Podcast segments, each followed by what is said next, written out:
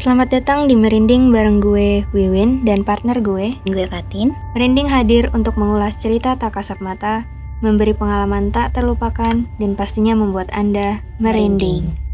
Topik kali ini kita bakal bahas tentang cerita-cerita horor di kampus. Betul banget. Nah, dari cerita-cerita horor ini tuh kita udah dapet cerita nih. Dari mana tuh? Dari narasumber. Udah langsung aja kali dibacain, Win. Oke, gue bacain dari POV aku ya. Ini sebenarnya bukan kampus aku sih. Jadi, aku mau ikut UTBK untuk yang kedua kalinya.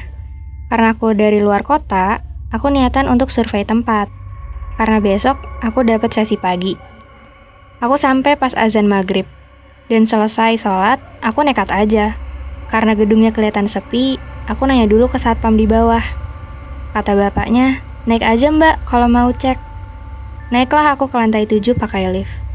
Di dalam lift, aku sambil balas WhatsApp mama. Sampai di lantai 7, pintu kebuka dong, dan aku keluar. Gelap semua, gelap banget. Pas banget di depanku ada jendela yang kena bias cahaya. Dan di situ ada cewek pakai dress memunggungi aku. Akhirnya, aku mutusin buat turun lagi. Aku cetak-cetak tombol lift berulang kali sampai terbuka. Di sini berarti posisi aku ngunggungin jendela tadi. Akhirnya pintu lift kebuka, aku masuk. Dan pas aku balik badan untuk pencet tombol lantai, kepala cewek itu noleh dong. Aku kayak udah ketakutan. Aku nggak inget wajahnya. Lebih tepatnya, aku nggak mau inget-inget. Gara-gara kejadian itu, aku nggak jadi ikut UTBK dan minta jemput untuk pulang. Wah, Ini rada ganggu gak sih? Karena kan Bener. eh, niat dia padahal mau UTBK tapi malah Mm-mm. jadinya nggak jadi dan malah minta pulang. karena mungkin saking takutnya juga ya, jadi nggak jadilah UTBK Mhm. gitu. Tapi merugikan banget gak sih kalau menurut gue? Bener, tapi kalau gue terobos aja sih Bener bener bener. daripada nggak jadi UTBK Mm-mm. kan. Sayang banget ya. Dan ini ada cerita kedua lagi nih kan. Tapi Win sebelum kita masuk ke cerita berikutnya, gue juga ada nih eh, pengalaman, tapi bukan pengalaman pribadi sih. Jadi ini gue diceritain sama kating gue. Waktu itu kan ada PK, PKMP ya, prodi gitu. Itu kita punya eh, tugas buat wawancara gitu. Nah di situ gue diceritain. Jadi prodi gue itu punya kayak proker tahunan yang lumayan gede gitu. Jadi eh, di proker ini kayak festival-festival gitu deh. Jadi di hari terakhir hari puncaknya itu ada kayak pertunjukan eh, kembang api gitu. Nah pertunjukan eh, kembang api itu pasti selalu malam dong, karena kan kalau siang-siang nggak mungkin kelihatan kan. Dan untuk meminimalisir hal-hal yang tidak diinginkan, kembang apinya itu dinyalainin dari atas gedung kayak apa ya rooftop gitu. Nah di situ eh, ada dua orang yang kebetulan sebagai PJ dari pertunjukan kembang api ini. Nah mereka berdua ini lagi ada tugas buat ngambil kalau nggak salah kayak ngambil ember atau air gitu deh dari bawah buat eh, apa sih masukin setelah kembang apinya dinyalain mau masukin ke air gitu. Nah dari bawah itu mereka naik lift dong pastinya. Ya udah masuk aja kayak biasa mereka berdua eh, pencet tombol buat ke lantai tujuan mereka gitu kan. Tapi setelah lift itu naik, nah tiba-tiba liftnya itu berhenti di lantai 3 atau lantai 4 gitu deh. Dan mereka eh, tiba-tiba kaget karena eh, pintunya itu kan kebuka dong karena berhenti kan. Nah di situ mereka berdua ngeliat ada putih-putih yang lewat gitu.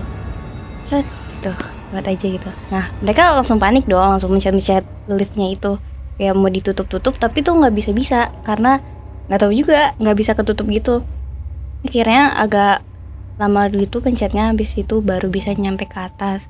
Nah di atas mereka langsung kayak panik gitu dong cerita-cerita sama semua orang yang ada di situ. Nah, menurut gue sih kayak agak serem banget karena mereka berdua sama-sama ngeliat gitu. Kalau misalkan dari antara dua orang ini cuma satu yang ngeliat kan satu lagi bisa kayak ngelurusin gitu ah paling yang lo lihat cuman Halusinasi Iya atau gitu salah kan. lihat gitu kan Cuman kan mereka berdua sama-sama ngeliat Jadi kayak siapa yang mau ngelurusin gitu kan Tapi itu gedungnya kosong harusnya. Kosong Eh Enggak, enggak maksudnya enggak kosong semua gitu Cuman kayak mereka semua lagi pada ngumpul di Atas. rooftopnya itu. Itu bisa jadi itu OB lagi ngepel biar cepet gitu kan Iya, OB pun kalau pakai baju putih lewat-lewat agak serem ya, cuman Iya sih, buat iya iseng-iseng benar. mencet. tapi itu Pintu. dua cowok ya dua cowok Aku kurang tahu sih kalau Hmm. itu, tapi yang penting mereka berdua.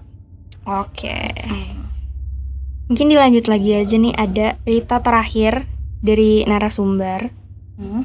ceritanya sih singkat tapi aku bener-bener masih takut sampai sekarang jadi di kampusku itu kalau acara himpunan pasti banget mulainya abis maghrib atau isya karena nunggu pada selesai kelas Singkat cerita, aku ada kumpul himpunan habis Isya.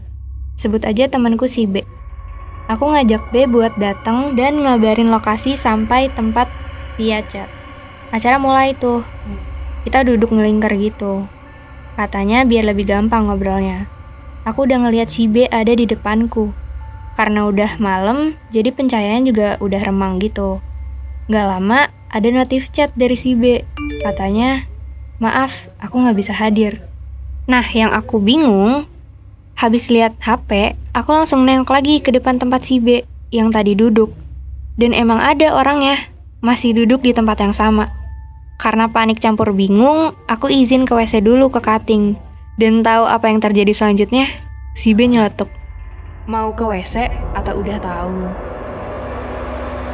Wah, itu serem banget sih. Bayangin lo ketemu orang yang yang jelas-jelas itu orang yang lu tahu ada di situ tapi dia ngechat lo Iya, tapi padahal ada di depan Iya. sendiri, tapi bilangnya nggak ada. dan dia bilang lo mau ke WC apa udah tahu Jadi berasa kayak diledekin gitu bener sama setan. bener tapi ini ada satu cerita yang pernah trending di Twitter juga Hmm. mirip kayak gitu tentang dosen Oh, Tahu iya, kan? Iya, gue tahu, gue tahu. yang dosennya minta kelas malam Mhm. tapi dosennya ngechat dia nggak jadi padahal mereka udah di kelas bareng-bareng sama dosennya Iya. Yang dosennya tinggi banget Iya. gitu ya pas dilihat di bawah di balik mimbarnya kaki dosennya melayang Gak naf. sumpah itu serem banget sih ini tuh berarti kayak nggak bisa dipungkiri di semua tempat pasti ada Mau seramai Penunggunya. apa pun mau itu apa pun pasti ada. yes betul banget tempat kuliah kan itu pasti ramai banget sama anak-anak kan kelas dipakai tapi kalau malam kita nggak akan tahu apa yang terjadi di sana Karena waktu kita dan waktu mereka